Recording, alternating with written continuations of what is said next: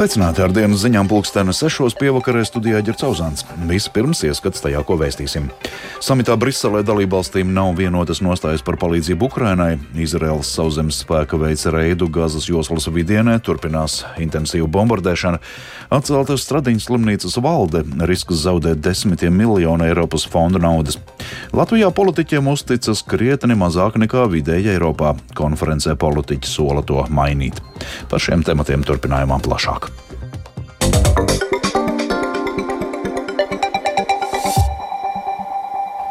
Briselē noslēdzies Eiropas Savienības līderu samits. Līdztekus situācijai tuvajos austrumos tajā daudz runāts arī par notiekošo Ukrainā un par finanšu atbalstu šai valstī.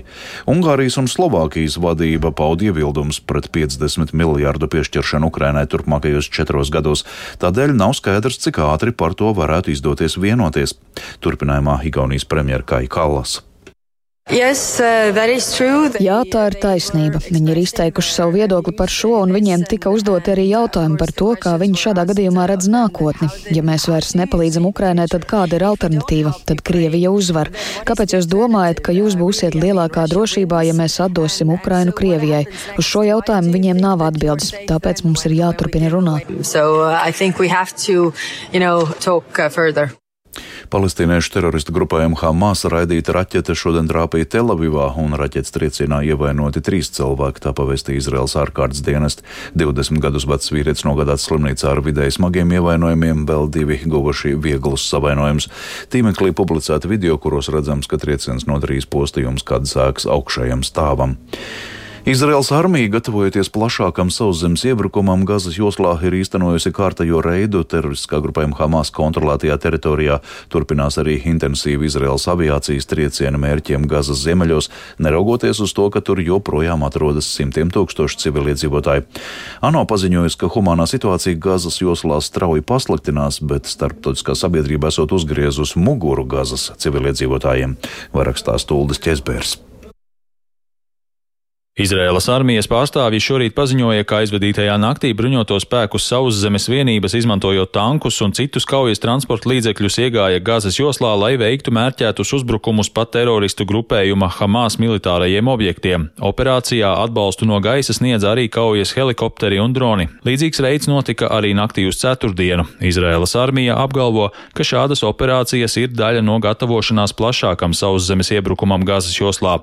Izraēlas aviācija turpina turpina uzlidojumus Gazas joslā. Armija informēja, ka aizvadītajā diennaktī ir veikti vairāk nekā 250 gaisa triecieni pa Hamas objektiem, tostarp tuneļiem, komandcentriem un raķešu palaišanas iekārtām. Izraēlas intensīvajos uzbrukumos līdz ar zemi ir nolīdzināti veseli dzīvojamie rajoni. Arī Izraēlas mediji norāda, ka tik plaši postījumi Gazas joslā nav pieredzēti nevienā no iepriekšējiem Izraēlas un Hamas kariem. Hamas kontrolētā Gazas veselības ministrija apgalvo, ka kopš 7. oktobra Izraēlas triecienos ir nogalināti nogalināti nedaudz vairāk kā 7000 teritorijas iedzīvotāju. Savukārt Pasaules veselības organizācija apgalvo, ka no tiem aptuveni 40% ir bērni. ANO palestīniešu bēgļu aģentūras vadītājs Filips Lazarīni šodien paziņoja, ka Gazas joslā izsīks dzeramā ūdens, pārtikas un medikamentu krājumi. Viņš humanitāro situāciju Gazas joslā pielīdzināja žņaukšanai. Gaza. Gazas joslas iedzīvotāji jūtas atstumti, atsvešināti un pamesti. Pēdējās nedēļas laikā es ļoti uzmanīgi sekoju līdzi tam, cik daudz kravas automašīnu ar humāno palīdzību iebrauc Gazā. Daudzi no mums šajās kravas automašīnās saskatīja cerību stariņu. Tomēr tas kļūst par uzmanības novēršanu, jo šīs dažas kravas automašīnas nav nekas vairāk kā drupatas, kas neko nemainīs diviem miljoniem Gazas joslas iedzīvotāju. Industry. Kopš pagājušās nedēļas cauri Eģipti Gazas joslā ir iebraukušas vismaz 84 kravas automašīnas ar humāno palīdzību, taču ANO lēš, ka ikdienu teritorijā vajadzētu iebraukt ap simts palīdzības kravām, lai pilnībā apmierinātu Gazas iedzīvotāju pamatvajadzības. Arī citur tuvajos austrumos situācija saglabājas nospriegota. ASV ir veikusi gaisa triecienus pa Irānas atbalstītu militāro grupējumu, izmantotām ieroču un munīcijas noliktavām Sīrijas dienvidu austrumos. Pentagona preses sekretārs Patriks Raiders paziņoja, ka tā bija atbilde uz pēdējās nedēļas laikā notikušajiem raķešu un dronu uzbrukumiem ASV militārajām bāzēm Irākā un Sīrijā. Raiders arī sacīja, ka pēdējo nedēļu laikā tuvajos austrumos ir izvietots gandrīz tūkstotis papildu amerikāņu karavīru. Tā ir daļa no mūsu centieniem novērst plašāku konfliktu un pastiprināt reģionā izvietoto ASV spēku aizsardzību. Varu apstiprināt, ka kopš mūsu pirmā paziņojuma par papildu spēku izvietošanu reģionā aptuveni 900 karavīru ir izvietoti vai tiek izvietoti ASV armijas centrālās pavēlniecības atbildības zonā. Raiders arī atklāja, ka ASV militārajās bāzēs reģionā ir izvietotas papildu pretgaisa aizsardzības sistēmas. Uldis Česberis, Latvijas radio.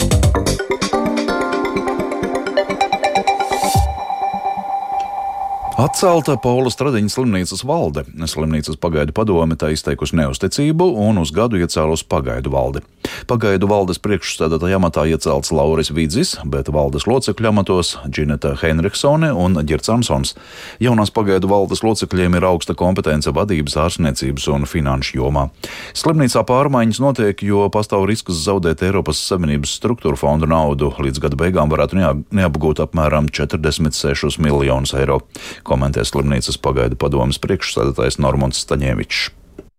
Zaudējumi būs uzdevuši pagaidu valdei fokusēties uz septiņiem tēmām. Tā ir tikšanās ar darbiniekiem, darbinieku iesaist. Jāpievērš pastiprināta uzmanība sakarā ar šiem pēdējiem konfliktiem, organizācijas struktūras schēmai un funkciju un atbildību auditam jāķerās klāt ar lielu steigu šim otrā korpusa ēkas projekta vadības, būvzraudzības un iekšējās pārvaldes revīzijai un jāsniedz redzējums, ko mēs vēl varam glābt šodien. Tāpat ir jāskatās pārējiem projektiem, kas tur ir noticis un, un detalizēta analīze. Aptuveni ceturdaļa Latvijas iedzīvotāju neusticas valsts varai. Tā rāda OECD dati. Tas ir krietni zemāks rādītājs nekā vidēji organizācijas dalībvalstīs. No politiķiem vislielāko uzticību bauda pašvaldību politiķi, taču nacionālā līmenī uzticēšanās tautas pārstāvjiem krītas. Iemesli ir ļoti dažādi, sākot ar valsts iestāžu neefektīvu komunikāciju, nesaprotamiem politiķu lēmumiem līdz pat cilvēku sociālajiem stāvoklim. Vairāk par tēmatu Pauls Devits ierakstā. Cik ļoti varai uzticas Rīgas iedzīvotāji? To uz purciem noskaidrot devās Latvijas radio. Nē, protams, ka nē. Tāpēc, ka visi melo. Наверное, да. Не знаю. Nu jā, nezinu. Tāpēc, ka Eiropas Savienība dod viņiem naudu. Nē, neuzticas. Nu, skatoties, kādai varētu, tāpēc, ka tur ir dažādas partijas, tāpēc tā grūti spriest. Dzīves līmenis cilvēkiem krītās. Jāuzticas, jātic labākam, bet kas to zina? Dažādi rīkojumi, dažādas, kā saka, uzdevumu izpildes.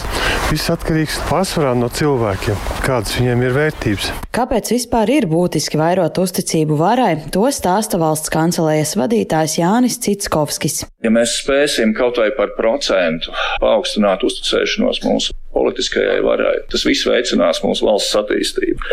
Skatoties uz šī brīža ģeopolitisko situāciju, uzticēšanās ir bieži vien daudz svarīgāk par to, cik daudz mums ir tanku, ieroču vai lielgabalu. Zemes politiskās uzticības līmenis sabiedrībā ne tikai veicina ēnu ekonomiku un emigrāciju, bet arī rada apdraudējumu valsts drošībai.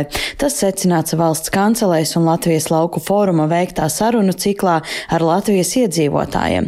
Sarunas ar Somijā izstrādātu dialoga apļu metodi notika 20 Latvijas vietās, un tajās piedalījās vairāk nekā 200 cilvēku.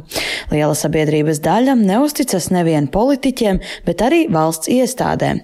Kāpēc? To skaidro Latvijas lauku fóruma pētniece Kristīne Rolle. Iestāžu nepieejamība ir viens no šiem jautājumiem, un viens ir fiziskā sāsinājās pēc Covid, kad valsts iestādes aizslēdzās un tā īsti jau arī neatveras vairs. Ja?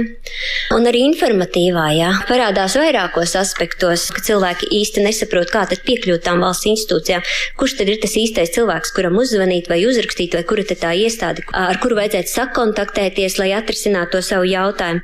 Augstāku uzticības līmeni gan bauda pašvaldību politiķi, jo tie sabiedrībai šķiet tuvāki un pazīstamāki, kā arī viņu lēmumi saprotamāki. Pamatīgi sabiedrības viedokli ietekmē arī saturs sociālajos medijos, kur aktīvi tiek izplatīta dezinformācija, īpaši no Krievijas. Stāsta saimas priekšsēdētāja biedra Zanda Kalniņa Lukaševica no jaunās vienotības. Mums ir jāspēj vēl vairāk stiprināt gan savu mēdīju pratību, arī mums katram politiķim un deputātam vēl rūpīgāk domājot, ko mēs uzticamies, kādas ziņas dalāmies, gan sabiedrībai kopumā, un, protams, arī mūsu mēdīju spēkam sniegt ziņas, un tas prasa resursus. Šodien šim tematam veltītā konferencē politiķi solījās aktīvāk strādāt pie tā, lai celtu politisko uzticību sabiedrībā visos līmeņos. Paula Dēvica, Latvijas radio. Augstuma ietekmē pastiprinās slīdamību uz ceļiem. Valsts policija atgādina autovadītājiem, ka jāpārskata braukšanas ieradumi, arī jāpārliecinās, vai spēka rats ir nevainojamā kārtībā. Saulēcīgi jānomaina vasaras riepas pret ziemai piemērotām. Valsts policijas reaģēšanas pārvaldes priekšnieks Juris Jančevskis norāda, ka no 1. decembra, kad ziemas riepa esamība ir obligāta, notiks arī pārbaudas. Latvijas televīzijā viņš minēja, ka pagaidām nav novērots satiksmes negadījumu pieaugums nepiemērotu riepu dēļ. Šajā brīdī atbildība nav paredzēta, bet, kā jau es minēju sākumā, mēs tomēr aicinām vadītājus saulēcīgi jau aprīkot transporta līdzekļus, negaidīt šo pirmo datumu. Mēs arī šogad to turpināsim kopā arī ar CSDD kolēģiem, kad veicam šīs tehniskā stāvokļa kontrolas uz ceļiem. Kā arī šobrīd esam strādājuši vispārēji par šo tehnisko stāvokļa kontrolu uz ceļiem vairāk kārtēji un noteikti, kad pienāk šis 1. decembris, mēs to arī darīsim turpmāk. Līgatnes dabas takās šī nedēļas nogale būs rosīga. Tur piedāvā aktīvus un radošas izklaides. Piemēram, šodien un svētdien pārgājieni visai ģimenei ķepu detektīvus Līgatnes dabas takās. Stāsta Arta Krūmiņa. Pamatā tas ir pārgājiens cauri līgatnes dabas takām, kā jau to ik viens var atbraucot to darīt, bet tas būs kopā ar gīdu, kas pastāstīs daudz vairāk par mūsu dzīvniekiem. Un kā pievienotā vērtība vēl tam ir tas, ka arī mācīs un stāstīs tā dzīvnieku pēdas, ievērot, atrast un ieraudzīt dabiskos saules apstākļos. Visi pasākumi ir ar parasto biļeti. Vienīgā atšķirība ir tāda, ka uz pārgājienu ir iepriekš jānopērk iepriekš pārdošanā, lai mēs varam rēķināties ar dalību dalībnieku skaitu. Savukārt rīt no 11. līdz 14. būs līgatnes lāčiem veltīts pasākums Filca tehnikā radītā multfilma Čuči Čuči darbosies. Filca lācīšu darbnīca būs iespēja iesaistīties izzinošās spēlēs, lai netradicionālā veidā labāk izprastu lāčus dabā un folklorā un simboliski pavadītu līgatnes dabas taku lāčus ziemas guļā.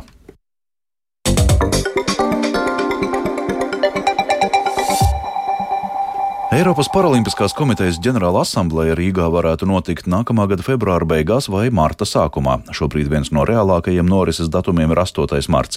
Tā Latvijas radio pastāstīja Latvijas Paralimpiskās komitejas ģenerālsekretāre Liena Apine. Asamblējā Latvijas un vēl daudzu Eiropas valstu paralimpiskās komitejas vēlas panākt kopīga ziņojuma pieņemšanu, kurā būtu paredzēts Parīzes spēļu boikots no vecā kontinenta puses, ja vien starptautiskā paralimpiskā komiteja neaizliegs Francijā startēt Krieviem un Baltkrieviem. Liena Apina uzsvēra, ka arī Eiropā pašlaik nav vienots nostājas un latviešiem daudz jāskaidro. Dažiem bija tāds, kurš tad vēl ir parakstījis, bija svarīgi. Man pašai personīgi ir um, piemērs um, Armēnija, kas līdz karam Ukrainā mums bija ļoti draudzīga. Personiskās sarunās um, Armēnija, Gruzija sportā tiešām bija draugi. Tad tagad, um, zinot to, ka Armēnija ir Krievijas pusē, vismaz uh, parasportā viņi atbalsta un viņi kopā rīko sacensības. Tad um, nu, mūsu draugs Armēnijas uh, Paralimpiskās komitejas prezidents mums vairs nav draugs. Mēs ar viņu nekomunicējam. Un es zinu, ka arī mūsu Gruzijas kolēģi ar viņu vairs nekomunicē. Līdz ar to izskan dienas ziņas sešos. Tās producēja Viktors Pupiks, pār labskaņu rūpējās Ulds Grīnbergs un uh, Mārtiņš Paeglis studijā Ģercauzāns. Yeah.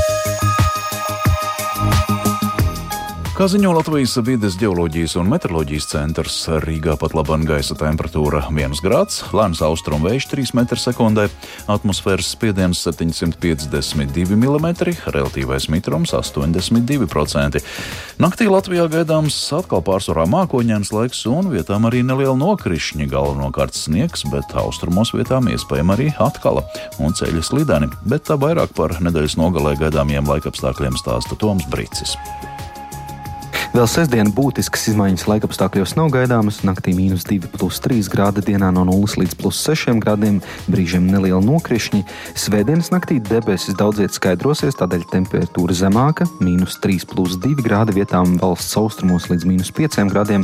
Savukārt dienā vējš iegriezīsies no dienvidu austrumiem dienvidiem, pie mums sāks ieplūst siltāks gaiss, temperatūra sasniegs plus 2,7 grādus. Dienām brīžiem uzspīdēs saule, bet svētdienas vakarā Latvija no rietumiem sāks šķērsot plaša lietus zona. Un nākamā nedēļa jau būs jūtama siltāka, gaisa temperatūra dienās bieži būs ap plus 10 grādiem.